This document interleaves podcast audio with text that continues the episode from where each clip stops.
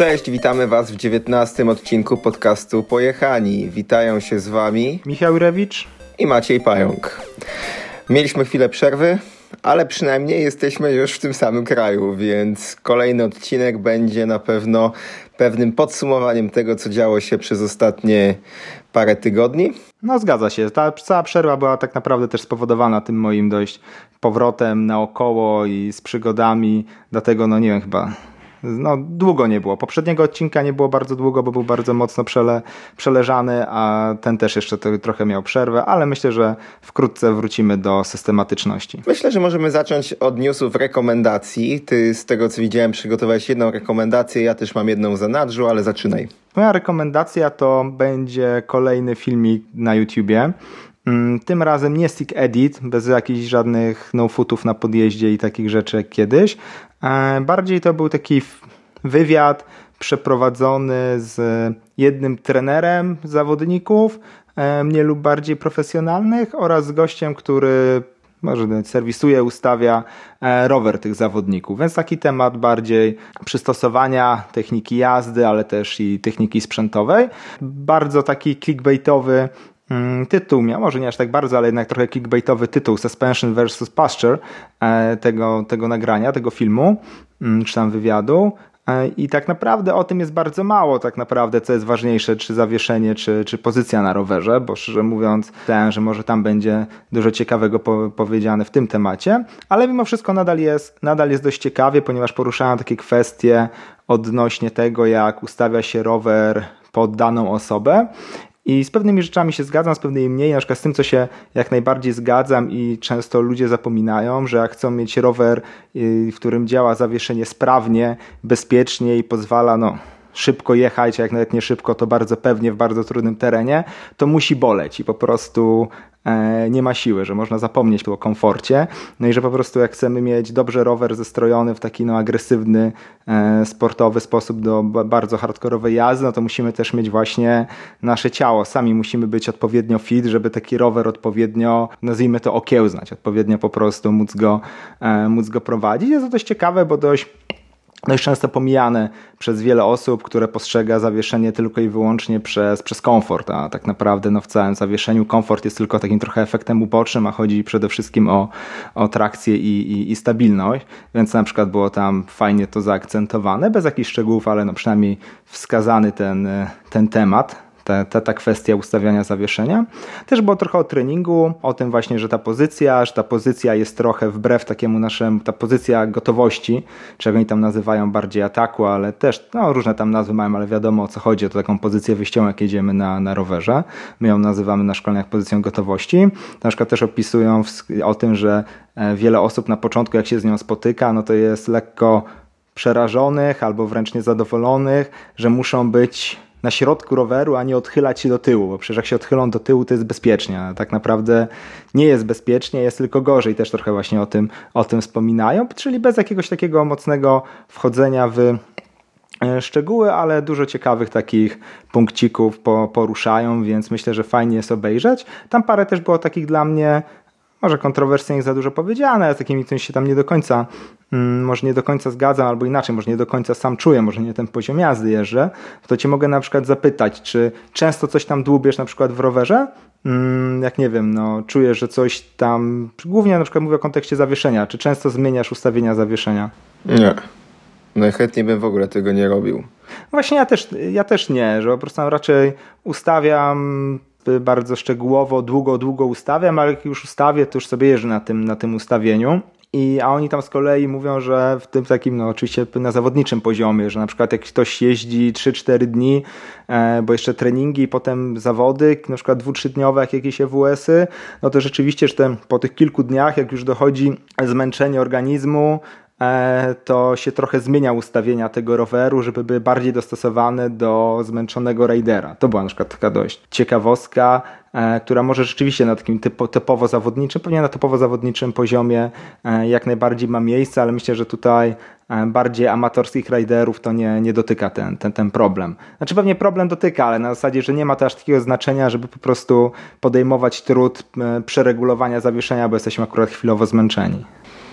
Ale mówili coś więcej na temat tego, co zmieniają? To znaczy właśnie przychodzą bardziej w komfort niż super performance, czy wręcz na odwrót? Czy nie było to powiedziane? Właśnie to jest tak naprawdę największe zastrzeżenie dla tego wywiadu, że jest tylko takie wiesz, rzucone punkty, złote myśli, a tak naprawdę e, żadnego głębszego sprecyzowania, co się zmienia, co tak naprawdę tylko, o, to jest bardzo trudne, to jest bardzo skomplikowane, bo to, bo tamto, bo tak i, i tyle. Jakiegoś tak bez, o, o, wszystkim opowiadali bez wchodzenia w szczegóły, więc tak naprawdę to bym powiedział, że to była no, lek, lekkie niedociągnięcie w tym, w tym nagraniu. Więc to rekomendacja, warte obejrzenia, ale nie twierdzę, że jest to jakoś taki wiesz, świetny, rewolucyjny materiał. Ale jest coś, z czym się zupełnie nie zgadzałeś? Żebyś stwierdził, że jakąś herezję w ogóle tam przekazali? Parę było, ale tak naprawdę nie wiadomo, czy to był to jakiś skrót myślowy, e, bo chcieli to wszystko powiedzieć w 3 sekundy, albo czy może schemat, na przykład schemat pozycji gotowości był trochę dziwny, ale gość co innego mówił, a co innego narysował na schemacie, no ale to wiesz, był schemat taki rysowany na chusteczce,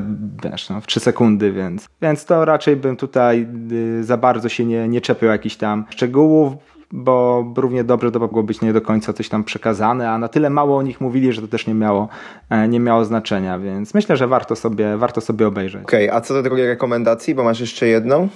Czy to jest podsumowanie Izraela? To jest podsumowanie, tak. To, to, bo to wiesz, nasz dział się nazywa News i rekomendacje. To miałem jedną rekomendację i jednego, e, i jednego newsa. A, ta w ogóle ta rekomendacja to jest jeszcze rekomendacja, którą przywiozłem z, z Izraela, bo tam na, na kanale e, WhatsAppowym, na grupie WhatsAppowej riderów z, z Eilatu e, właśnie to wrzucili i tam rozpoczęli jakąś tam dyskusję, czy zawieszenie, czy pozycja i była tam jakaś, e, może nie jakaś długa i owocna, ale Jakaś tam krótka dyskusja była. Dobrze słyszałem? Na Whatsappie?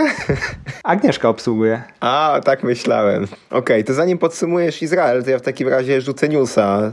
News, o którym pewnie już nasi słuchacze będą wiedzieć, oglądając nasze kanały, ale już pełną parą wróciliśmy do szkoleń.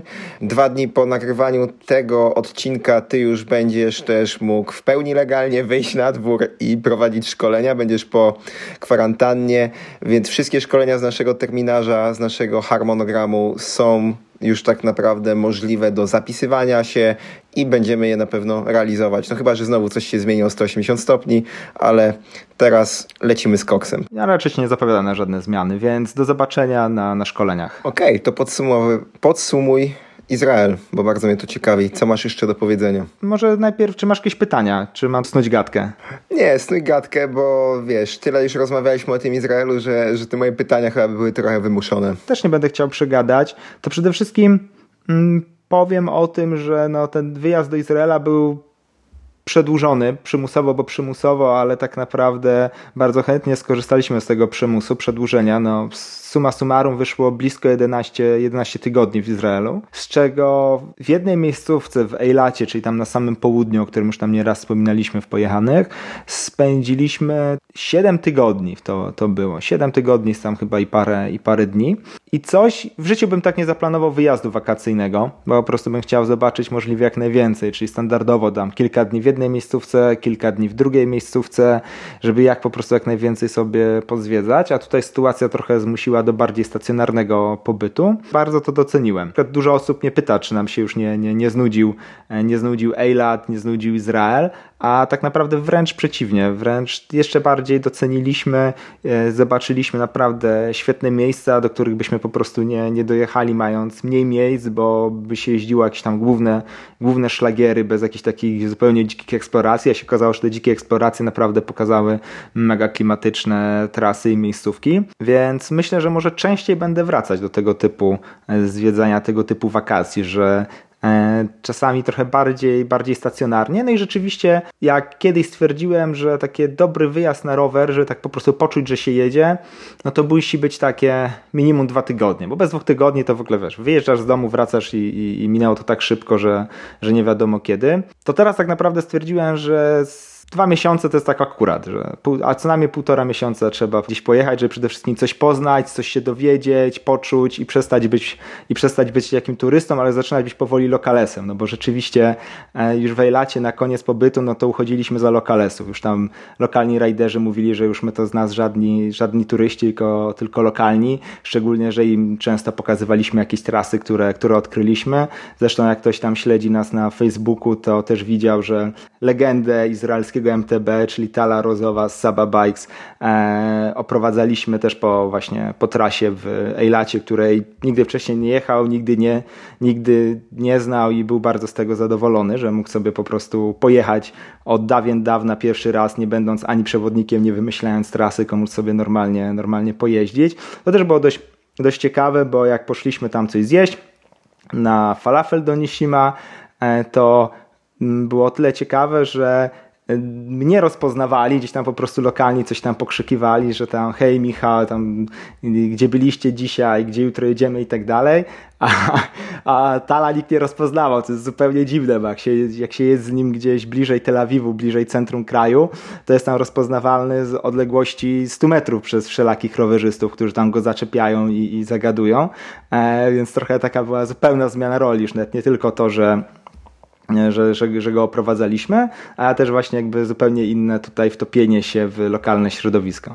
No okej, okay, no czyli Eilat znacie jak własną kieszeń i tutaj możemy też zdradzić, że trochę się już znowu wracamy trochę do pomysłu tego, żeby może jednak te wyjazdy do Eilatu robić bo już żal by było nie skorzystać z tak wielkiego doświadczenia i wiedzy dotyczących tras w okolicy. To już było w zasadzie marnotrawstwo. No, to się zgadza, ale no, co z tego wyjdzie, to, to zobaczymy. Na pewno trochę dostosujemy formułę względem tego, co wcześniej próbowaliśmy, no i zobaczymy. No, jak ktoś będzie chciał rzeczywiście skorzystać z wyjazdów do Eilatu organizowanych przez nas, no to, no to będzie, taka, będzie taka możliwość. A jakie będzie zainteresowanie, i czy to wypali, to, to zobaczymy. Też na pewno lokalni rajderzy z Eilatu e, się napalili na wycieczki do Polski, więc myślę, że to też to dojdzie do, do skutku, bo byli bardzo zainteresowani. Jak im tam opowiadałem, e, widzieli jak jeździmy, widzieli też zdjęcia, e, po czym tutaj jeździmy, więc są jak najbardziej tym zainteresowani, bo ileż można jeździć do St. Moritz. Do St. Moritz? Nie, do Morcine. Uuu, do St. Moritz, do Morcine, tak, mi się mylą te miejscówki, do Morcine, tak. Szlagier izraelski to Morcine. Okej, okay, ale tak, no, w kilku ostatnich odcinkach udało ci się podsumowywać, a w zasadzie no po prostu poruszać tematy elektryków. Co chwilę coś tam dorzucałeś. Pytanie jest takie, czy po prostu coś nowego jeszcze z perspektywy tych, tych już no, prawie dwóch tygodni w domu i nie jeżdżenia z elektrykami, coś nowego ci jeszcze przyszło do głowy? Albo przetrawiłeś temat i uznałeś, że jeszcze inaczej można jakoś podsumować temat jazdy wspólnej z elektrykami albo jakichś po prostu takich tematów związanych z jazdą na elektryku. Już takich stricte nowości względem tego, co było wcześniej, to, to nie, a jak coś, to jakieś takie szczególiki, które mi teraz już zupełnie wy, wypadły z głowy, bo przyznaję, że już straciłem rachubę, o czym mówiłem, a czego jeszcze nie powiedziałem w tym temacie. Jedną rzecz, jaką zwróciłem uwagę, no bo ostatnie dni starając się no, wylecieć w końcu do, do Europy, e, spędziłem w okolicach Tel Awiwu i tam z kolei w ogóle nie widziały się rowerów elektrycznych górskich. Oczywiście mnóstwo miejskich, e, ale górskich, szczególnie, żeby byłem w sobotę, bo Agnieszka tam odpoczywała, ja sam pojechałem na takie podtelawiwskie, najbardziej popularne szlagiery w okolicach lasu Benshemen. Zwykła sobota, a frekwencja taka jak u nas na największych imprezach rowerowych, że festiwale rowerowe w Polsce to naprawdę by się cieszyły, jakby miały tyle taką frekwencję jak główny parking pod Benshemen w sobotę, e, ale ciekawe właśnie było to, że zupełnie inaczej to wyglądało niż w Ejlacie. Zero elektryków, i same zwykłe górskie rowery, nie, nie, nie wspomagane, więc to dużo zależy właśnie odkąd, od tego, gdzie się, gdzie się jeździ i jak się wykorzystuje ten rower. Też trzeba przyznać, że na przykład no, teren jest banalnie łatwy tam na tych najpopularniejszych trasach w Benshemen e, w porównaniu do tego, co jest w Wejlacie, więc trochę też ten teren po prostu w Wejlacie plus temperatura no wymusza po prostu to, że te elektryki są trochę bardziej popularne, bo żeby tak bez elektryka dużo pojeździć w okolicach Wejlatu, no to trzeba mieć tą formę całkiem, całkiem dziarską. Podsumowujesz Eilat, znaczy nawet nie Eilat, Izrael, to mnie bardzo ciekawią statystyki, ilość kilometrów nakręconych i ilość przewyższenia. Masz takie za cały wyjazd? Mm, nie zbierałem sobie, ale sobie teraz szybko zobaczę. Przewyższenia tak na szybko pewnie nie, e, nie zerknę, ale dystanse powinienem mieć bez problemu. No bo to jest o tyle ciekawe, że pewnie jak byliście te 2,5 miesiąca, to w zasadzie rzadko się zdarzało, żeby któryś dzień nie był jeżdżony. To już chcąc, nie chcąc, wychodząc w ogóle na rower i kręcąc cokolwiek, po prostu te kilometry przez takie 2,5 miesiąca się zbiera. I to brutalna ilość dni powoduje, że tych kilometrów się da dobrze nakręcić. Ja miałem trzy dni przez ja bez jazdy na rowerze przez ten, przez ten czas. E, I to jest tak, widzę, że w marcu mam 950 km, w kwietniu mam 850, no to właściwie dwa miesiące zupełnie, zupełnie w Izraelu były. I teraz jeszcze muszę, no i w maju mam, no bo tak, no bo tutaj to nie jeździłem, no i w maju mam 700. No to jest rzeczywiście sporo. 2,5 kafla, nieźle. To jest niezły dystans. Oczywiście większość po górach, no nie była to miejska jazda, więc to na pewno tych przewyższeń teraz robiliście. Nawet w mieście tak naprawdę tam dużo przewyższeń się robi, ale chodzi mi o to, że nie asfaltem, a jakimiś tam terenowymi trasami po prostu. No, takich miejskich jazd było naprawdę bardzo, bardzo, bardzo mało, no bo przez tą całą sytuację covidową, to tak naprawdę wszystkie jakieś takie wyjazdy na, na plażę, do delfinarium i tak dalej były bardzo mocno e, ograniczone, bo przez jakiś tam czas dużo rzeczy było nie, nieczynnych, więc to bardzo, bardzo mało miejskiej jazdy. No co ostatnie, tak naprawdę ostatnie e, te cztery dni w Tel Awiwie, no to były z tych czterech dni trzy były tylko i wyłącznie miejskie, takie tam sobie kręcenie i, i zwiedzanie.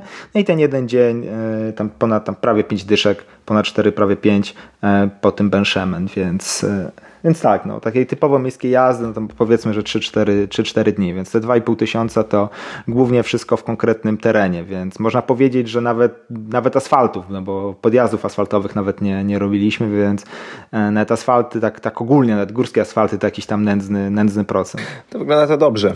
Pytanie, czy jeszcze masz coś do dodania, jeśli chodzi o podsumowanie Izraela? Bo jeżeli nie, to przeszedłbym już do naszego głównego tematu odcinka. Hmm, co mogę jeszcze tak naprawdę powiedzieć, że e, bo oczywiście najwięcej spędziliśmy czasu w Ejlacie, ale nie, nie, nie tylko tam byliśmy. Wszystko poza tak naprawdę północą. E, gdzieś tam odwiedziliśmy sobie choćby, choćby na chwilę. I Ejlat nam się najbardziej spodobał. Więc tutaj, tak jak zawsze się nam najbardziej podo podobał, to teraz też nam się najbardziej, najbardziej podoba. Co prawda, jako taką najlepszą, najlepszą trasę, jaką mm, jechaliśmy, jakby miał powiedzieć, jedną trasę w Izraelu, no to będzie nadal Arad i z Aradu do Morza Martwego, ale tą wersją taką nazwijmy to Enduro, a nie teraz tą nową oficjalną po, po szlaku transizraelskim. Mm, ale myślę, że Raham jest zdecydowanie tutaj y, numer dwa z tych takich evergreenów.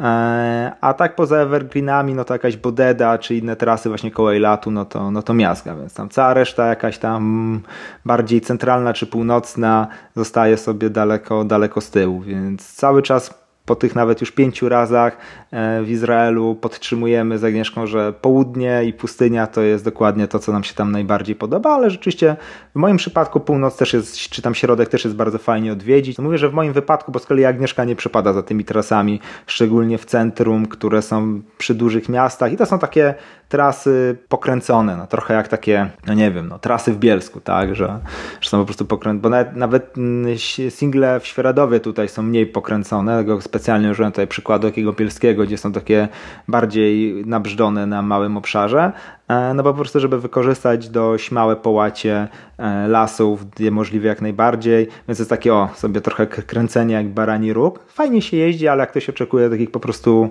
epickich, w cudzysłowie, wycieczek, no to, to trochę nie to, więc e, dlatego Agnieszka zdecydowanie, zdecydowanie południe, a centrum tak sobie, ja mówię, że centrum ok, ale też preferuję południe. Okej, okay, to przyszło mi do głowy jeszcze jedno pytanie, no bo parę odcinków temu udostępnialiśmy nawet listę pakowania na Izrael, którą stworzyliśmy przed wyjazdem wyjazdem i tam na pewno była mm, podana ilość, nie wiem, klocków hamulcowych, zapasowych i tak dalej i było to na pewno dostosowane do trzech tygodni, które tam miały być pierwotnie, a w zasadzie dwóch i pół tygodni. Byliście dwa i pół miesiąca. Jak rowery przeżyły to i które ewentualnie części miały najtrudniej? Tak naprawdę wszystkiego starczyło w punkt. Opony miały najtrudniej, no bo nie mieliśmy zapasowych opon, no bo trudno zabierać ze sobą zapasowe opony. Tylnia opona się skończyła po pierwszym miesiącu, to już ciąg dalszy to już był taki na, na jej limicie, ale jakoś jeszcze, jakoś jeszcze dotrwała. E, klocki hamulcowe, no to po prostu wziąłem wziąłem dużo, bo zawsze zabieram ich tak po prostu dużo, one się aż tak szybko nie zużywają. W sensie, że zabieram po prostu, zawsze pakuję w miarę, wyjeżdżam z w miarę nowymi, plus mam e, dodatkowy komplet dla mnie do Agnieszki, czy cztery komplety e, zupełnie nowych. Jakby nie wiem, gdzieś się zatłuścił, wypadł, czy cokolwiek, tak? Żeby mieć po prostu nowe, nowe kloski, żeby nie musieć ich szukać. Dzięki temu to wystarczyło, no bo po prostu te nasze nowe komplety się zajechały w, mniej więcej w połowie wyjazdu, czy trochę za połową, no to wsadziliśmy te, te, te nówki i, i się udało przejechać, więc to było, to było spoko. Mieliśmy tam problem trochę, ponieważ nasze tutaj rowery nie dostały żadnego serwisu po dość wymagającej zimie, wymagającej, bo właśnie mało zimowej, bo ciągle tak roztopy przymrozek, roztopy przymrozek. I tam mieliśmy po prostu problem z jednym łożyskiem, zaczepu, linki, no, trochę kosmiczne rzeczy, jak ktoś nie, nie wie, jak to jest zbudowane e, w naszych rowerach. No i mieliśmy po prostu lekki problem z, ze zrywającymi się linkami od, e, od biegów, e, ale to po prostu trzeba było zamontować dwa razy czy trzy nową linkę podczas tego okresu i tyle. No, linki szło dostać, więc to, to nie problem. Jedyna rzecz, jaką musieliśmy, a to już nawet wspominałem, musieliśmy po prostu kupić na miejscu, o której zupełnie, znaczy nawet zupełnie pomyślałem, po prostu w domu nie miałem, nie zdążyłem kupić, ponieważ do swoich magicznych dentek z gąbką w środku nie, nie wlałem mleka, nie wlałem uszczelniacza, a tam jest to potrzebne na kolce e, pustynnych roślin. Bez tego było, było słabo, więc trzeba było kupić na, na miejscu jakiś właśnie uszczelniacz do opon, wlać to do tych dentek i było po problemie, więc to była taka jedna rzecz, którą trzeba było kupić na miejscu. Co mnie zupełnie zaskoczyło, bo już dawno nie, nie kupowałem tych, tych, tych uszczelniaczy i przede wszystkim w takich zwykłych sklepach, że ciągle jeszcze sprzedają te takie śmierdzące, obrzydliwie e, zwykłe lateksowe. Że już, ja już myślałem, że to w ogóle z rynku zniknęło, że są same już te ekologiczne, akrylowe, biodegradowalne, ale tam się okazuje, że ciągle jeszcze takie zwykłe tanie parchy mają, które nie były takie tanie, no bo koszty tych części i rzeczy rowerowych są naprawdę spore. To tak na przykład dlatego też nie, przyznaję, że dlatego też nie kupowałem nowej opony, no bo jak po prostu zobaczyłem, że jest trzy razy droższa i jest to jakiś tam, wiesz, parchaty Maxis, to stwierdziłem, że e, no dobra, jakoś na tym, jakoś na tej swojej łysej sztuce się, się dokulam. To rzeczywiście. A dentki jak długo wytrzymały z twoimi wkładkami? Mm, całości wyjazdu nie wytrzymały, mm, ale na ostatnie 2-3 tygodnie zmieniłem na, na ichniejsze.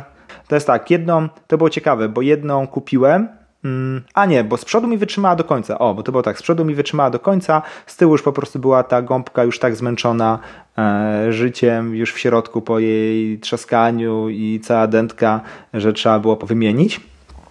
I ciekawe było to, że kupiłem tą taką dętkę już oryginalnie zalaną uszczelniaczem, bo mają takie w sklepach.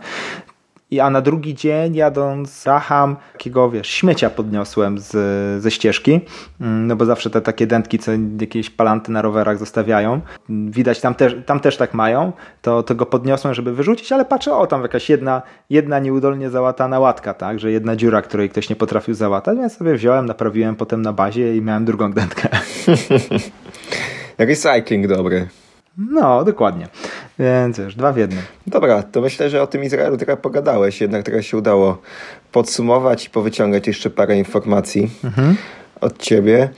Dobra, przejdźmy do tematu utrzymania tras, bo taki mamy temat dzisiaj, główny odcinka.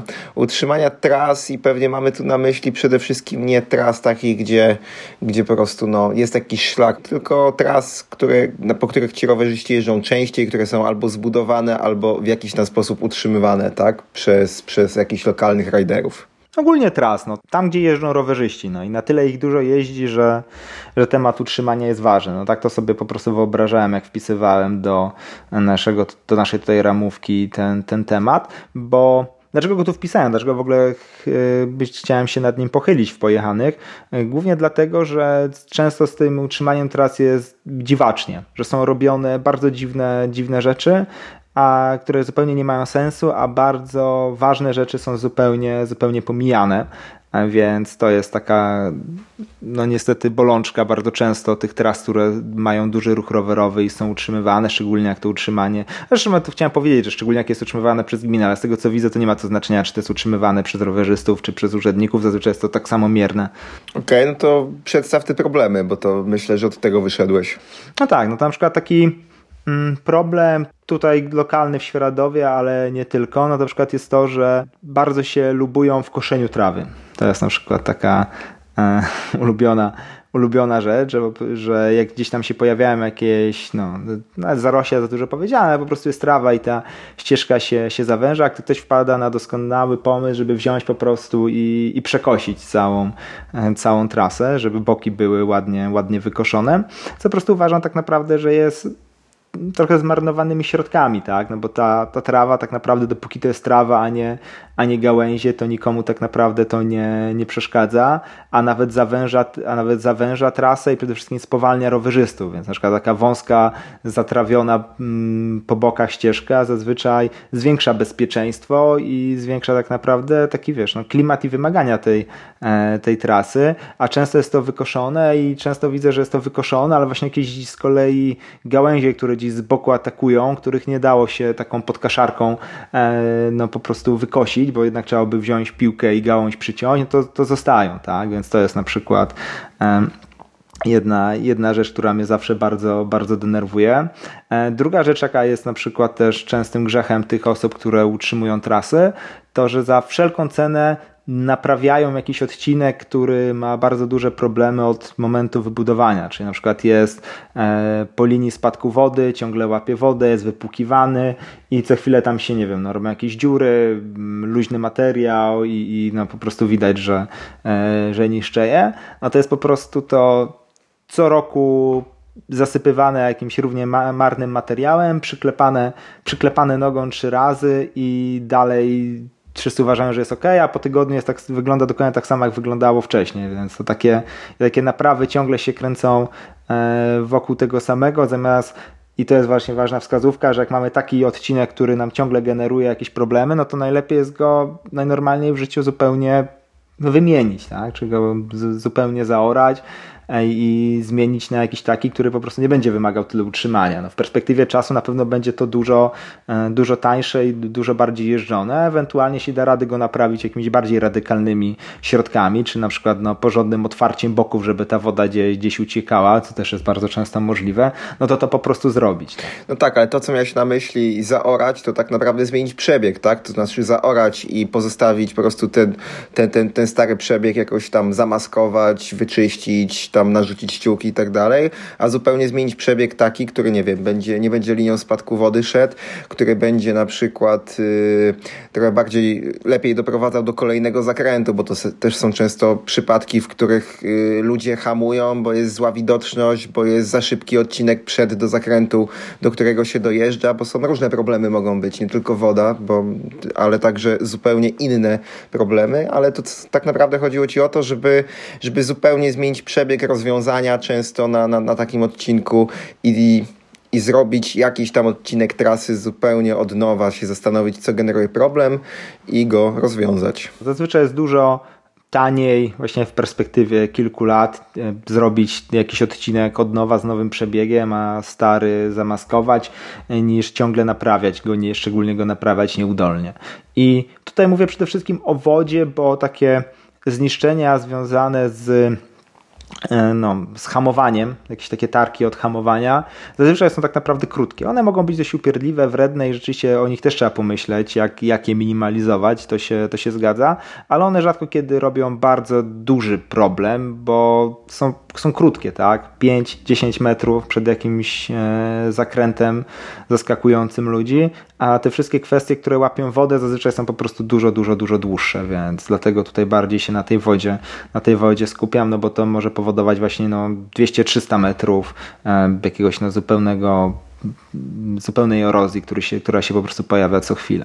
Dlatego bardziej tutaj się skupiam na, na wodzie. Jak tutaj też jestem w temacie wody, no to też taki taka walka z wiatrakami, to jest bardzo często, że jak jest jakaś kałuża, to ktoś tam sobie ją tak, ktoś, no te osoby, które tam utrzymują, czy to oficjalnie, czy, czy też nieoficjalnie, coś tam sobie grzebią, to tak otwierają ten bok ścieżki, żeby ta woda spłynęła, ale tak na szerokość, na szerokość szpadla albo motyki na 60 cm, centymetrów w bok, w bok trasy. I to rzeczywiście działa najprawdopodobniej przez pierwszą godzinę następnego, następnego deszczu, ale z powrotem się za chwilę zamula i nic z tego nie ma.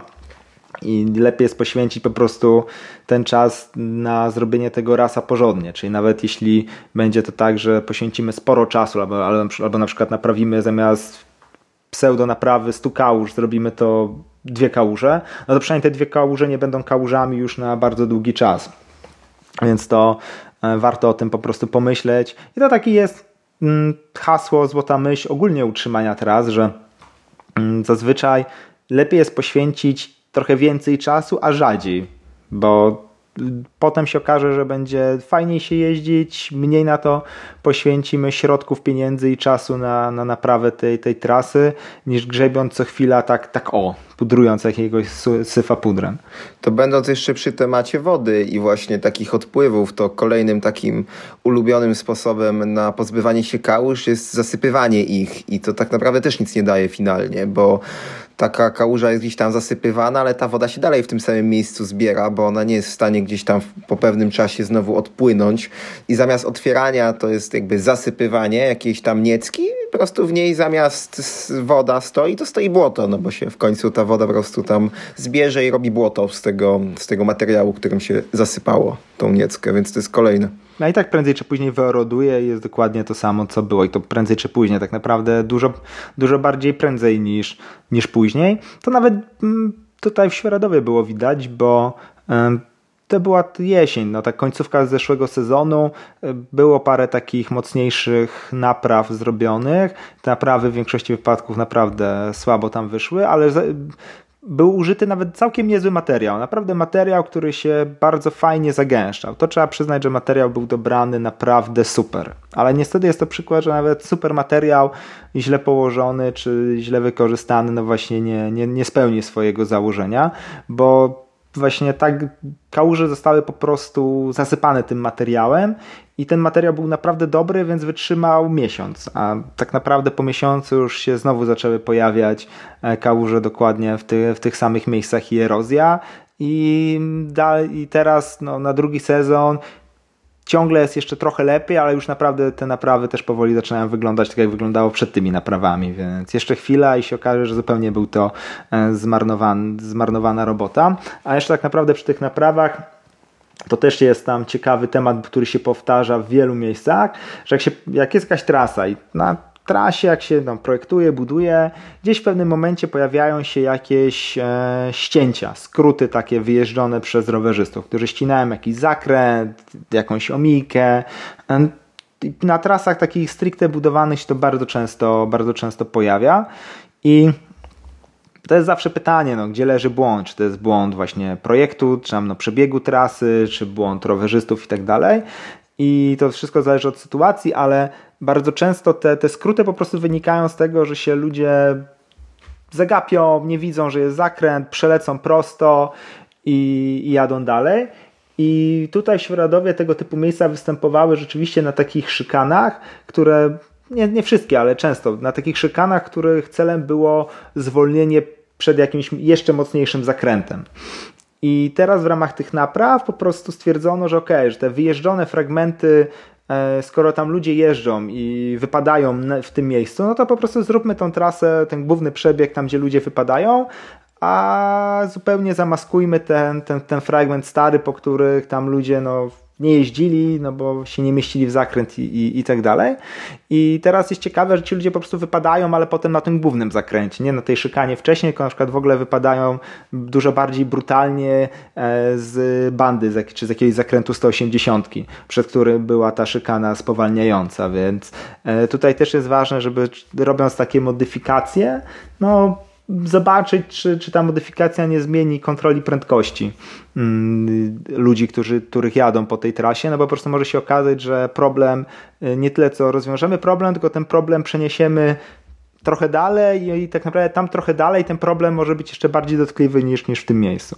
Ale są też takie przykłady, gdzie sensownym jest zasypanie czy zamaskowanie poprzedniego przebiegu, a właśnie e, udrożnienie albo nawet położenie nawierzchni na tych wyjeżdżonych miejscach, bo, bo, bo, są takie miejsca, chociażby na podjeździe pod zajęcznik kojarzy taki, na, pod, pod sam szczyt, jeden z, chyba ostatni, jeden z, z, ostatnich tych pięter, no to tam jest takie miejsce wyjeżdżone po lewej stronie od drzewa, które jest ciut mniej strome i łagodniejsze.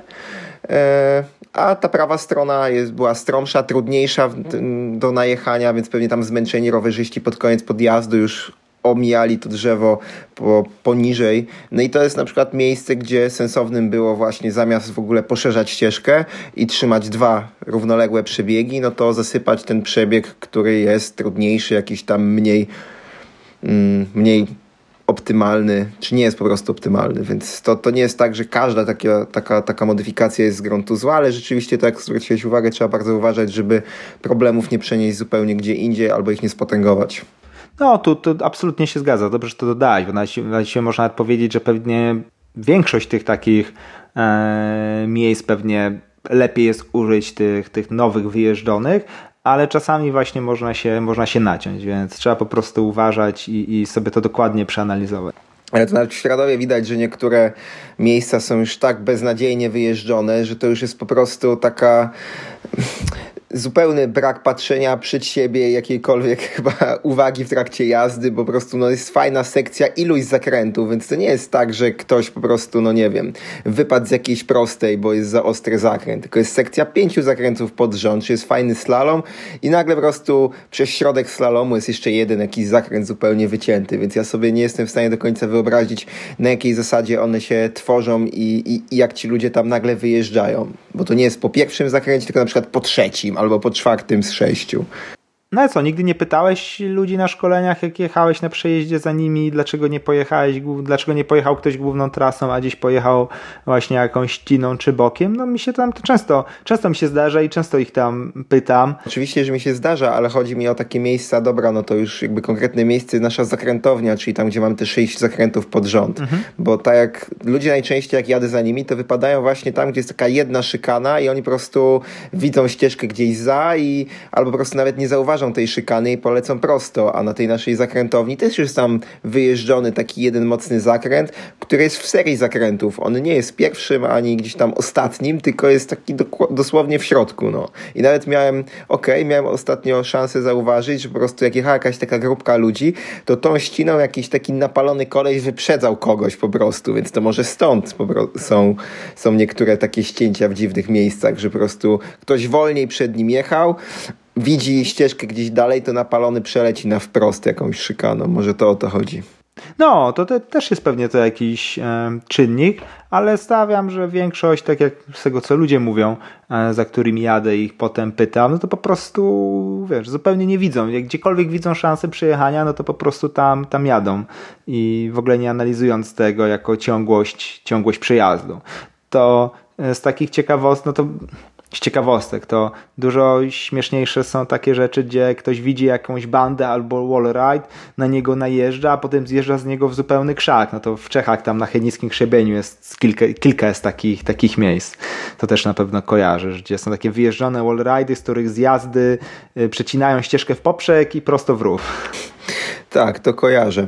Ale w kontekście jeszcze utrzymania tras i takiego stricte zarządzania ruchem, no to ty poruszyłeś te dwa, dwa problemy takie w zasadzie bardziej techniczne z tego, jak tą trasę utrzymać i nawierzchnię stan techniczny, ale dziwi mnie tam u niektórych mm, zarządców tras, że w zasadzie nie kierują odpowiednich grup na odpowiednie trasy. I mam tu na myśli chociażby chlebskie ścieżki, gdzie mają tak naprawdę trasy łatwe. Jest Widnawski Okruch, jest w Kolopotoka, czyli są te trasy, które są naprawdę dla tych, no, takich początkujących, nie mają dużych przewyższeń i tak dalej.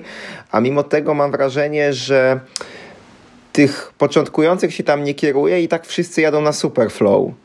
I mam wrażenie, że na przykład ilość pracy, która jest potem włożona w takie utrzymanie Superflow ze względu właśnie na mocne hamowania, jakieś takie tarki przed, przed każdym mocniejszym zakrętem, mogę zakładać, że są robione te tarki no, nie tylko przez tych najszybszych, którzy chcą robić co chwilę brap i nie wiedzą, że to jest po prostu obciach, żeby, żeby co chwilę blokować koło, ale też tych, którzy się tam po prostu przez przypadek trochę znaleźli, tak? Że jakby pojechali na Widnawski czy na Wkolo Potoka, to by zrobili fajną wycieczkę, a na takim Superflow, mimo tego, że jest to jedna z łatwiejszych tras w całym kompleksie, no to, to po prostu walczą o życie, ca całość hamują i tak dalej. I tutaj upatruję trochę winę tak naprawdę naprawdę zarządców trasy, którzy, którzy z, moim zdaniem zbyt mało promują na przykład tą, już nie wiem, czy jest południowa czy północna część tras, bo, bo teraz mi się trochę kierunki już pochrzaniły, no ale tą część po prostu bardziej płaskich tras.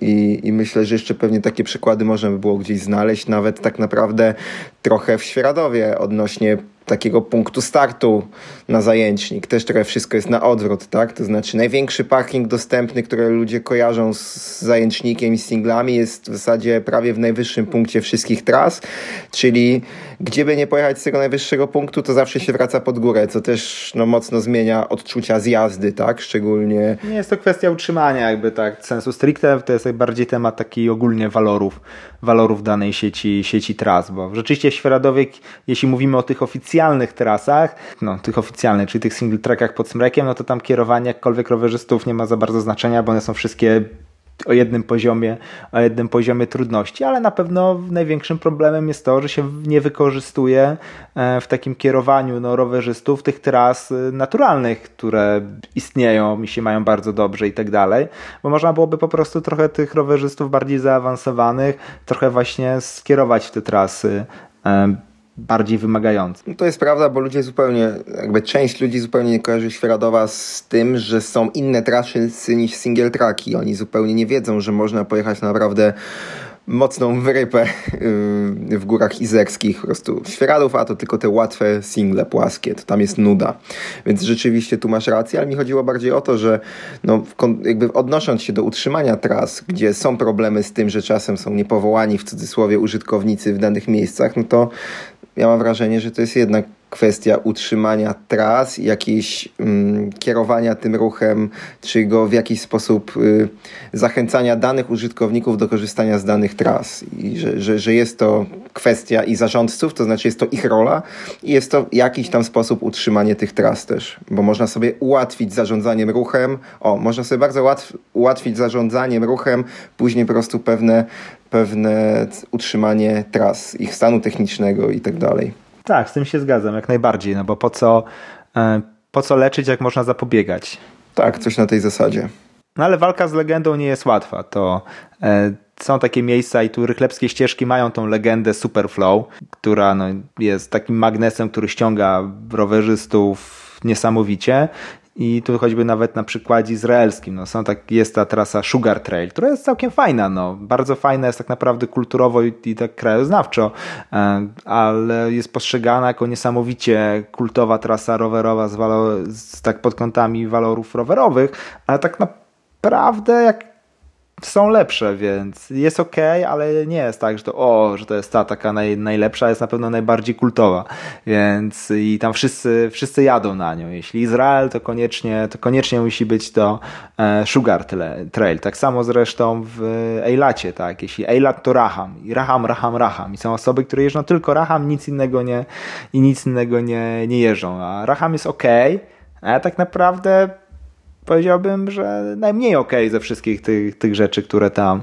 e, które tam są. Jest taki powiedzmy najbardziej rowerowy, tak? Jeśli można jakkolwiek powiedzieć, najbardziej przypomina taką trasę e, bike parkową. No tak, to tak z przymrużeniem oka, ale najbardziej, najbardziej przypomina, więc mogę tutaj zrozumieć pewien, pewien czar, ale no to też nie jest taka e, nie wiadomo co, a ściągnąć, jakbyś tak chciał, wiesz, przekierować tych ludzi z tego, z tego Rahama na jakąś inną trasę, to łatwo by nie było, no bo po prostu już ta legenda, ta legenda żyje i każdy chce pojechać na Raham. Okej, okay, no tak, to, to prawda, że to y, legendy ściągają i już później ciężko cokolwiek z tym zrobić, ale właśnie a propos tych legend i mm, także właśnie takich miejsc, które później działają jak magnes, no to w kontekście utrzymania tras czasem ukrywanie takich, y, takich jakichś no, tras, szczególnie tak zwanych zagrab singli, czyli takich zrobionych przez jakichś lokalesów, też ma swoje mocne plusy w kontekście ich utrzymania ich stanu technicznego, no bo tutaj trzeba się, trzeba jakby wiedzieć i mieć na uwadze to, że szczególnie takie trasy zagrabione, jeżeli one czyli niezbudowany z odpowiedniego, nie wiem, tam kruszywa, ułożonych kamieni, dostosowany po prostu do, e, do dużego ruchu turystycznego, do, dużego, do, do dużej liczby rowerzystów przyjeżdżających dziennie. Jeżeli na takie trasy e, właśnie zagrabione nagle się zleci chmara rowerzystów, no to one później po prostu są, degradują się w mgnieniu oka i tutaj już myślę, część tych rowerzystów takich świadomych, którzy sobie też dłubią jakieś trasy, no ma, mają tą świadomość, że te niektóre trasy trzeba trochę ukrywać, to znaczy one nie mogą być wszędzie na strawie, na, na Trailfoxie i tak dalej, bo popularność tych tras później skacze bardzo szybko, nagle bardzo dużo osób po nich jeździ i ich utrzymanie takim no, chałupniczymi metodami, po prostu czasem coś przyklepać, zgrabić i posprzątać, staje się niemożliwe. No. Więc tutaj... To ja się z tym zupełnie nie zgodzę. Ale z czym? Z tym, że, nie, że należy, nie, że niektóre trasy trzeba po prostu ukrywać przed światem? Zgo tak, z tym się zupełnie nie, zupełnie się z tym nie zgodzę. Jeśli jest tam możliwość legalnej jazdy, bo wiadomo, że jak tam jest jakiś rezerwat i zakaz wstępu i tak dalej, no to jest tam zakaz wstępu, no jest ukryta trasa, tak. No to nie, to nie ma o czym mówić, no. Ale jeśli jest to po prostu na terenie ogólnodostępnym, jest to ogólnodostępna ścieżka, to powinna być jak każda inna ścieżka dostępna, dostępna na mapie. Jeśli są jakieś E, aplikacje, które e, zbierają jakieś właśnie trasy pod kątem ich użytku, czyli na przykład właśnie Trailforce czy, czy Strava, no, no powiedzmy, że też Strava i tak dalej. To jeśli ktoś ją tam wklepie, no to tam powinna być. To teraz się oburzanie jakichś tam lokalnych osób, czy osób, które to tam wygrabiły, że o, że tutaj trzeba usunąć, bo nam zajadą i tak dalej. Uważam, że to jest po prostu dość takie małostkowe, tak? To jest teren dostępny dla wszystkich, wszyscy mają, wszyscy mają sobie prawo tam, e, tam jeździć. Po to są mapy, żeby to było, żeby to było na mapach. Owszem, absolutnie nie powinno być to promowane jako produkt jakiś turystyczny, nie powinno być to tak oznaczone w terenie, bo, bo to rzeczywiście nie wytrzyma tego, tego natłoku, ale takie chamskie ukrywanie, jak to niektórzy gdzieś tam potem mają wyrzuty na internecie i leją jakieś żale, że ktoś gdzieś tam coś rzucił na Trailforza i zgłaszają i tak dalej, są dyskusje na jakichś forach, że to ja wykopałem, a ty jeździsz, a tylko ja mam prawo po tym jeździć, to to uważam, że to jest coś, co tak naprawdę jest y, rakiem społeczeństwa rowerowego. Okej, okay, no to, to rzeczywiście, to znaczy to... A Rozumiem, że się nie zgodziłeś z tym, co powiedziałem, bo mi chodziło przede wszystkim o to, żeby tego nie promować, nie robić z tego produktu turystycznego, a w zasadzie powiedziałem, żeby to ukrywać. No, to nie o to chodzi, żeby ukrywać i nagle, żeby tego nigdzie nie było, bo jak to będzie na jakimś Open Street Maps jako ścieżka, no to jest. Ja po prostu zauważam wśród osób, które gdzieś tam utrzymują trasy i właśnie budują sobie takie zagrab single, które już samo ich budowanie no, jest takie no, gdzieś tam na wpół legalne, a jazda jest w pełni legalna już po nich, no to problem polega na tym potem, że jak oni próbują właśnie z tego typu miejsc robić te produkty turystyczne, no to potem będzie miało to negatywny wpływ na powstawanie rzeczywiście fajnych, kolejnych legalnych tras, no bo jeżeli zalegalizujemy zagrab singla, będziemy tam mieli jakieś oznakowanie i będziemy to promować jako świetną trasę rowerową, no to ona zostanie zajechana w ciągu naprawdę krótkiego czasu i potem chociażby instytucje, które będą odpowiadać za to, żeby tą trasę, mm, za jej legalność, no takie lasy państwowe pozwolą na to, żeby ta trasa była legalna, zobaczą, że tam po prostu już jest błoto po osie i, i głównie jakaś erozja i spływająca woda, no to, to nie będą pozwalać na to, aby powstawały kolejne tego typu trasy, no więc to z tej perspektywy na to patrzyłem, a nie stricte ukrywania każdej najmniejszej ścieżki w lesie, która, która gdzieś tam po prostu jest robiona dla rowerzystów, no. No, to to się zgadza, ale to też nie jest tak, że każda trasa musi być e, pokryta bazaltem, ubita na beton i że musi znieść 100 tysięcy przejazdów w ciągu, w ciągu roku, e, bo to wszystko właśnie zależy od zakładanego obciążenia, ale też można sobie ten problem ilością tych tras zalać ten problem. Straszna francuska wymowa, więc frankofonii pro, proszę zamknąć uszy, zasłonić uszy. Na Mont Pilat, czyli tam przy fabryce wytwórni kawalerii rowerów, na których jeździmy, mają na tej jednej takiej górce, no górce, taki spory masyw, tam tysiąc, tysiąc w pionie, o ile dobrze pamiętam, jakoś w tych okolicach jest e, przewyższenia mają 90 kilometrów takich nazwijmy to nieoficjalnych tras. Nie mam żadnego pojęcia, jak jest z ich legalnością, czy są w pełni legalne, czy są w pełni nielegalne. Są po prostu trasy takie właśnie bardzo delikatne ścieżynki porobione po prostu w lesie. Widać, że część to jest rzeczywiście taka zwierzęca, a część jest po prostu zagrabiona przez, przez rowerzystów, ale tego jest po prostu tyle, i na takim obszarze, że pomimo, że tam, bo tam jest jeden taki główny, no powiedzmy, że dwa, a tak naprawdę jeden główny podjazd drogą asfaltową albo równoległym szutrem przez tam fragmentami, no po prostu w weekend to multum rowerzystów wjeżdża. No po prostu całe autobus, tam jeszcze autobusem można wjechać prawie na samą górę. Całe autobusy rowerzystów wjeżdżają na, na górę. Potem oni się wszyscy rozpraszają tak, że wiesz, że jedziesz, jedziesz, jedziesz, jedziesz nikogo nie spotykasz.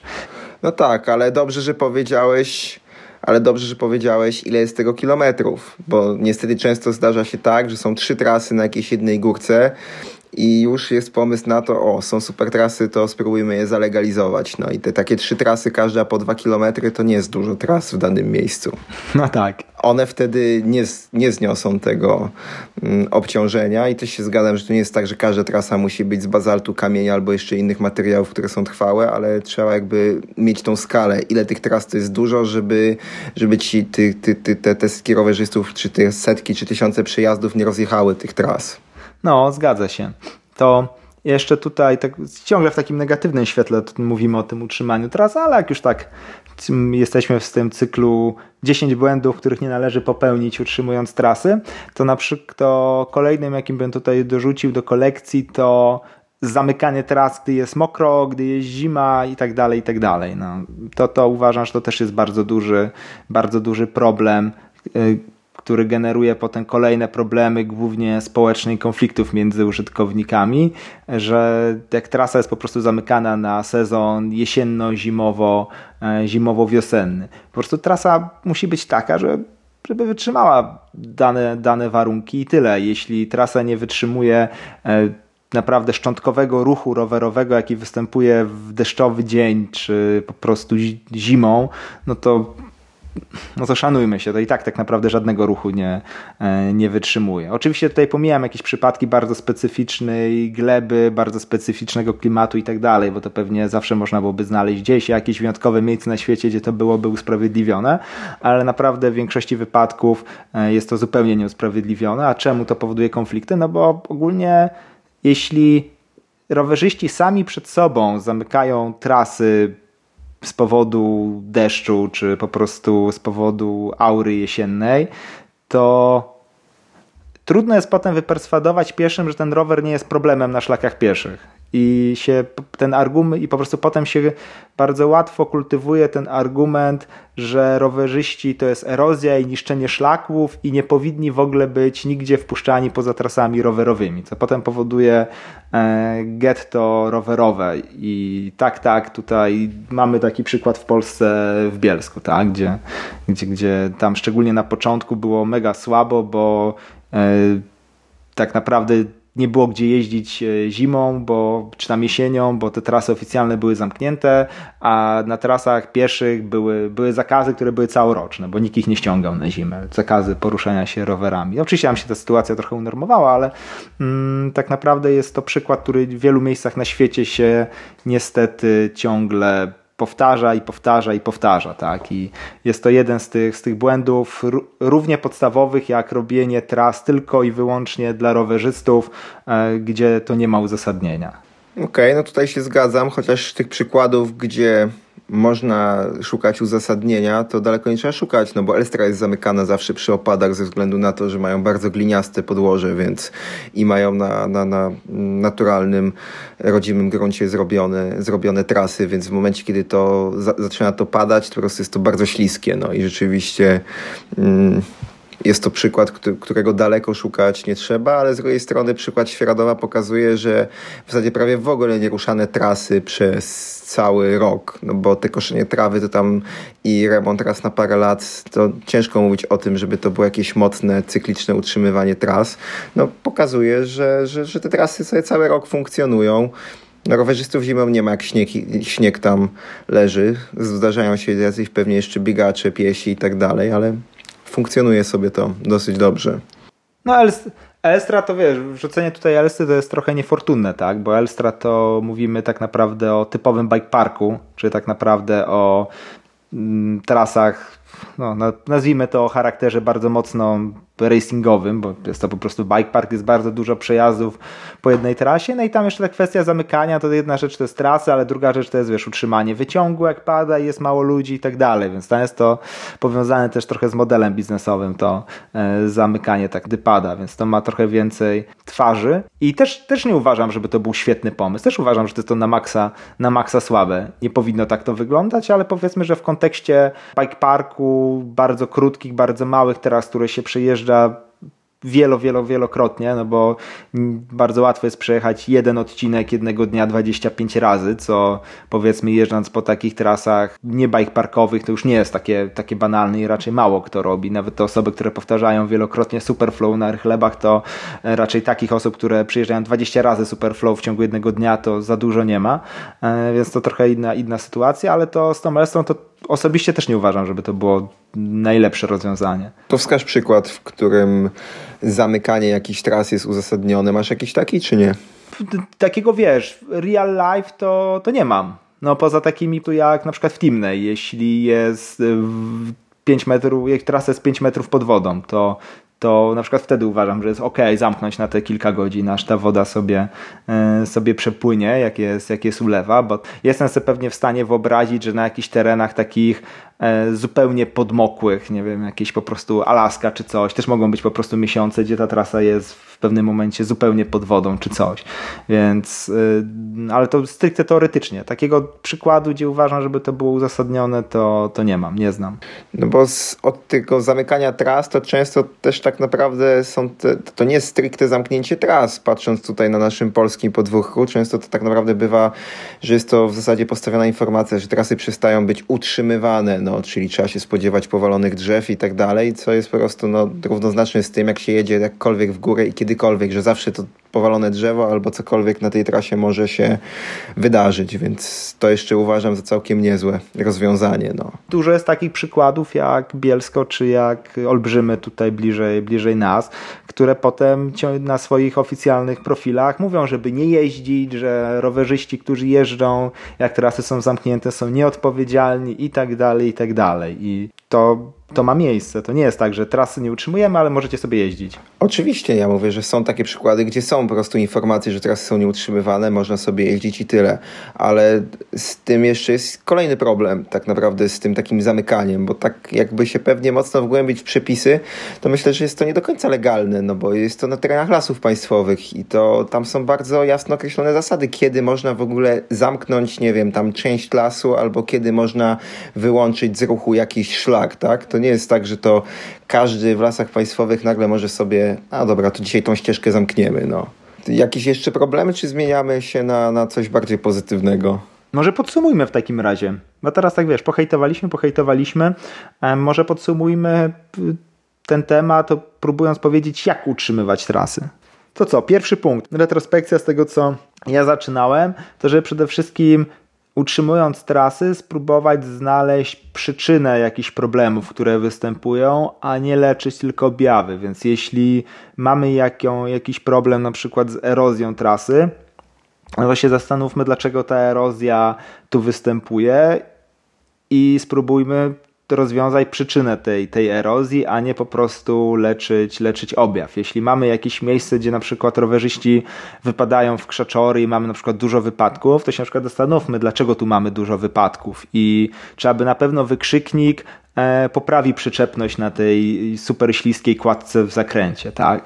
Więc e, spróbujmy zawsze dotrzeć do przyczyny problemu i naprawmy tą przyczynę. I nawet jeśli to będzie wymagać dużo więcej pracy i zasobów, to gwarantuję, że w trochę dłuższym okresie czasu, i to wcale nie jakimś super długim, ale trochę dłuższym będzie to jak najbardziej opłacalne. Okay, no to kolejnym punktem byłoby to, żeby zapobiegać niż leczyć, czyli starać sobie, starać się chociażby pewnego rodzaju zarządzaniem ruchem e, i informowaniem użytkowników o tym, gdzie jadą, na jaką trasę, po prostu nie tworzyć sobie dodatkowych problemów, tak? Nie, nie, nie, nie wysyłać początkujących na trudne trasy albo e, w jakiś tam sposób nie wysyłać na siłę tych zaawansowanych na, na najłatwiejsze trasy, gdzie po prostu się będą nudzić i nie wiem, będzie po prostu zupełnie tam niefajnie. No. Czyli po prostu dobra informacja, gdzie jechać, też będzie pomagać nam w utrzymaniu dobrego stanu technicznego tras. Kolejny punkt, jaki bym dorzucił, to wszelakie restrykcje mieć poparte danymi, dlaczego one są zasadzione. I restrykcje tu mam na myśli e, jednokierunkowość, e, zamykanie tras w danym okresie czy przy danych warunkach, ograniczanie użytkowników danych tras, bo to też jest forma w pewnym sensie może bardziej zarządzania, ale to też wpływa na, na utrzymanie. Te narzędzia mogą być miejscami uzasadnione, ale tak naprawdę znowu, jeśli jest to odpowiedź na bardzo konkretne problemy, jeśli to rzeczywiście można to rozwiązać, ten problem jakimś tam wprowadzeniem jakiegoś ograniczenia, bo jeśli nie, to nie ma to sensu, bo zazwyczaj w większości wypadków to nie powoduje wcale rozwiązania problemu, a tworzy nowe problemy, bardziej takie właśnie społeczne, czy konfliktów między różnymi użytkownikami, które tak naprawdę potem powodują dużo, dużo innych, innych problemów, więc bardzo ostrożnie, jeśli chodzi o restrykcje. Okej, okay, no i też kwestia, nie wiem czy to w zasadzie dokładnie o tym rozmawialiśmy, no ale edukacja też użytkowników tutaj mi od razu przychodzi do głowy, tak? Bo to nie tylko jest kwestia tego, żeby nie, żeby nie zakazywać wszystkiego po kolei, co jest takim standardem, ale te pewne rzeczy, o których mówisz, one się takie wydają, przynajmniej z tego, co rozmawiamy, przynajmniej z ludźmi na szkoleniach, takie oczywiste, no, że jak trasa rowerowa, to tylko dla rowerów, jak single track, to tylko jednokierunkowy i tak dalej, i tak dalej. I to są pewne takie chyba niemalże zapożyczenia z tych miejskich standardów, oddzielania tego ruchu zawsze pieszego od rowerowego, rowerowego od ulicznego i tak dalej, i tak dalej. I taka jeszcze lekka edukacja użytkowników, żeby im pokazać, że może być inaczej i wcale to nie jest problem, też by się tutaj przydała. Mhm. To tak, to, to rzeczywiście jest bardzo trafny punkt na koniec, że warto poza tą informacją, że tutaj jest trasa jedźmy w lewo, to trochę właśnie przekazać w jakiejś tam formie, najlepiej nie jakiegoś suchego regulaminu, tylko w jakiejś takiej formie, która rzeczywiście do kogoś to dotrze. Jak jakie walory trzeba na tej trasie no, kultywować i, i, jaka, jaka ona jest i dlaczego właśnie, właśnie dlaczego taka jest. No tak, bo w zasadzie wydaje mi się, że nie ma nikogo lepszego niż administratorzy tras do tego, aby tych swoich użytkowników i swoich, nie wiem, klientów, y, którzy po, jeżdżą po danych trasach, no edukować, tak? To, to, to, to jest, wydaje mi się, to są odpowiednie grupy do edukowania. No. I tu jeszcze bym powiedział, my tak mówię, już używamy takich dość urzędowych określeń, administratorzy tras, zarządcy terenu i tak dalej, i tak dalej, ale tu też mamy tak naprawdę na myśli bardzo szerokie spektrum tych, tych zarządców i administratorów. Raz to będzie gmina czy nadleśnictwo, ale innym razem będzie to jakaś lokalna ekipa e, riderów, więc tutaj nawet jeśli robimy sobie w jakimś trasy bardzo lokalną ekipą pięciu riderów gdzieś na jakiejś zapomnianej górce, to też trochę o tym pomyślmy, bo to my będziemy wtedy tam kopać to i potem to utrzymywać i tak dalej, więc warto o tym pomyśleć, żeby docelowo jeździło się jak najfajniej, a mieć, a mieć potem jak najmniej pracy, a móc sobie po prostu jak najwięcej pojeździć. No to wydaje mi się, że podsumowaliśmy to, co powiedzieliśmy, czyli jak zarządzać, albo czego, czego nie robić, co robić. Kończymy na dzisiaj, czy ruszamy jeszcze pytanie słuchacza, jakieś takie zapomniane sprzed? Myślę, że ruszymy. Chyba bardzo długo nam nie zajmie odpowiedź, jakbyś mógł je przypomnieć. Okej, okay, no to pytanie było odnośnie zakładania e, opony na obręcz. Bardzo stare pytanie, które nam się trochę tutaj zakurzyło na liście. I tu był komentarz, pytanie, że Continental Trail King bardzo trudno jest dobrze prosto ułożyć na obręczy. I czy tylko ja tak mam? Pytał nas tutaj użytkownik Twittera Dying Morality. Czy ja wiem, czy tak naprawdę ja jeżdżę na Continental, teraz obecnie na Continental Trail Kingach i wcale nie uważam, żeby było je trudniej dobrze założyć na obręcz niż, niż jakiekolwiek inne opony, dobrze zakładając na tą obręcz, bez parę prostych, prostych trików, które bardzo to ułatwiają. Mój pierwszy trik to jest taki, żeby użyć płynu do mycia naczyń do montażu opony na, na obręcz. Po prostu na dużo łatwiej wchodzi, dużo łatwiej się e, układa. Oczywiście płyn do, mycie, do mycia naczyń to jest taki domowy partyzant, ale w zupełności wystarczający. Użycie profesjonalnej pasty wulkanizacyjnej będzie jeszcze lepsze, ale spokojnie można sobie darować jej kupowanie i użyć po prostu przysłowiowego Ludwika. Ale tego Ludwika po prostu sma smarujesz nim obręcz, czy, czy rozpuszczasz w wodzie, robisz jakąś pianę i po prostu gdzieś tam, nie wiem, spryskujesz, czy gąbką nanosisz? Piana już, już nie będzie tak dobrze, tak dobrze działać, bo nie wyschnie i nie przyklei. E, bierzesz po prostu ludzi tak jak na tym, jak na wulkanizacji, na zmianie opon w samochodzie. Smarujesz rant opony po prostu e, i, i tyle. Ale Ludwikiem, nie jakimś tam roztworem tego Ludwika z wodą. Nie, po prostu zwykłym Ludwikiem. Ja to robię albo gąbką, taką do mycia naczyń, po prostu Ludwik na tak obficie na tą gąbkę i porancie, albo jakąś starą szczotką do zębów, wiesz, Ludwik na szczotkę i porancie i jest ok. Okej, okay, co? Pytałeś mnie, czy ja mam jakiś inny sposób? Nie, czy masz jakiś inny, następny protip? Protip, to znaczy ja nie używam najczęściej żadnych takich wynalazków, nawet jak Ludwik do zakładania opon. Po prostu biorę pompkę stacjonarną, pompuję oponę do 5 atmosfer, czy ile tam fabryka dała. Ona wskakuje, dziękuję, do widzenia. to jest mój protip. Okej, okay, ja, tu, ja tu chciałem się, wiesz, tak, że tak sobie to sprawnie zrobimy, powymieniamy i tak dalej, ale widzę, że muszę sam pociągnąć. To kolejnym protipem będzie włożenie e, rantu, jak się wkłada e, oponę, rantu opony na środek obręczy. To będzie nam dużo łatwiej ją włożyć. Aha, ty aż takie rzeczy chcesz tutaj, o takich rzeczach chcesz mówić. Okej. Okay. No po kolei, o czym można po prostu zapomnieć, tak? Czyli jeśli mamy problem z nałożeniem opony, bo to jeszcze zanim ją tam prosto ułożymy, to żeby w ogóle ją nałożymy, no po prostu pamiętajmy, żeby ten rand mm, opony był na środku obręczy, czyli w tym obniżeniu, no to wtedy ona lightowo, lightowo wejdzie. I tak naprawdę, jeśli ona tam jest przed pompowaniem dobrze ułożona na środku obręczy, to potem też dużo równiej, dużo równiej wskakuje i, i tyle. No to kolejny tak. To... Nie, bo jeszcze chciałem skomentować to do ciebie, że wystarczy samo ciśnienie. To się zdarza, że nie wystarczy. To rzeczywiście i tu, tu powiem, że na kontynentalach tych to jest tak, że potrafić ten rand tak skleić z obręczą, że jeśli nie ma dodatkowego tutaj właśnie Ludwika czy jakiejś pasty wulkanizacyjnej, to potrafi tam po prostu e, zostać. No i to jeszcze, to jeszcze trzeba powiedzieć, że jeśli ktoś e, tubeless walczy, to użycie tego Ludwika uszczelnia trochę te połączenie rantu z obręczą. Też jest dużo łatwiej, um, dużo łatwiej zwykłą stacjonarką napompować i żeby to wskoczyła ta opona, bo bez Ludwika to rzeczywiście czasami są problemy, te powietrze szybciej schodzi niż pompujemy. No to jeszcze kolejnym takim protipem, jeżeli mówimy o samym rzeczywiście zakładaniu tej opony, to jeżeli już włożymy ten rant opony w ten, w ten rowek, w to obniżenie obręczy, to jeszcze warto sobie zaczynać i kończyć jakby nakładanie tej obręczy przy wentylu, no bo jeżeli zaczniemy od środka, no to na wentylu, czy to będziemy mieli nawet dętkę, czy wentyl do, do jakichś tublesów, no to on siedzi właśnie w tym środku tego tego obniżenia obręczy. No i y, nam podnosi w tym jednym miejscu e, rantopony, więc dużo łatwiej jest zacząć i kończyć jakby wkładanie obręczy, y, wkładanie opony do obręczy od wentyla. Kończyć? No tak.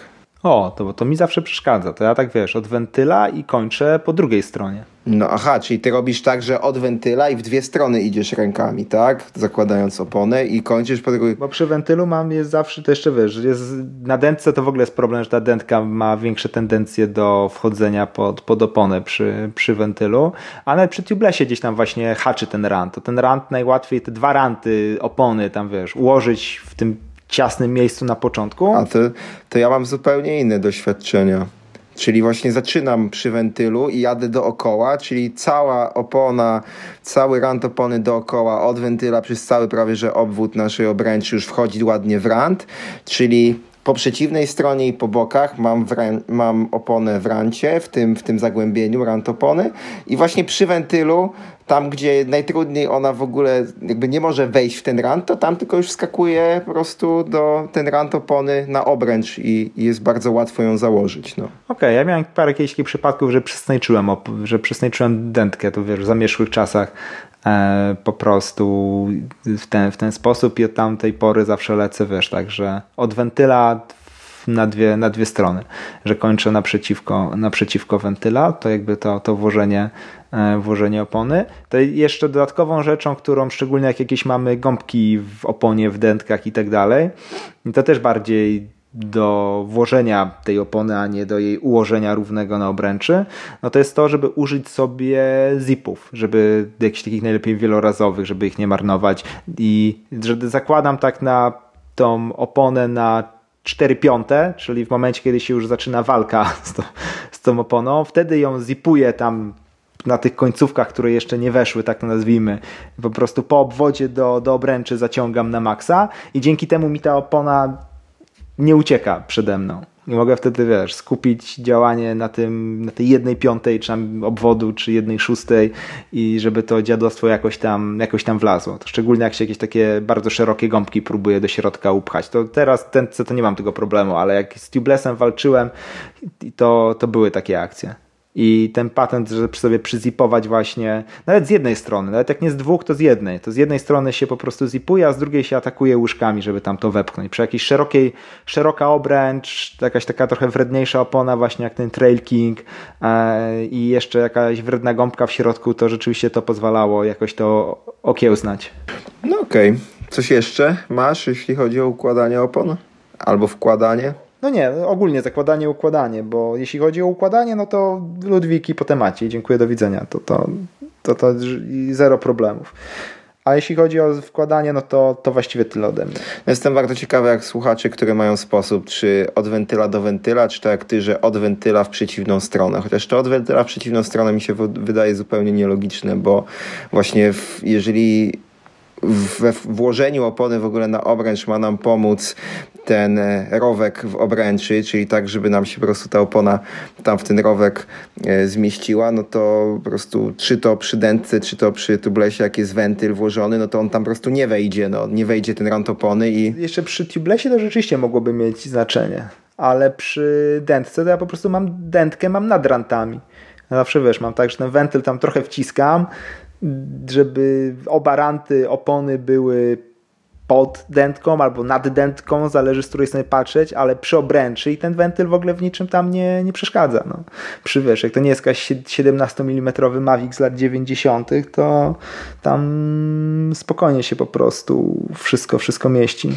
No to szerokość obręczy nie ma aż takiego znaczenia, bo najczęściej ten rowek, chociażby między moimi dwoma obręczami 25 mm wewnętrznej szerokości a 30, to rowek mają dokładnie takiej samej szerokości w których... Nie, no co ty. No oczywiście, że tak. To, to co, masz szersze, masz to... Przecież tam, gdzie leży opona jest stałej szerokości. No, no, no dokładnie, ale ten rowek, w którym układasz y, rant opony do włożenia, żeby ona łatwo weszła, jest z tej samej szerokości, niezależnie od szerokości obręczy.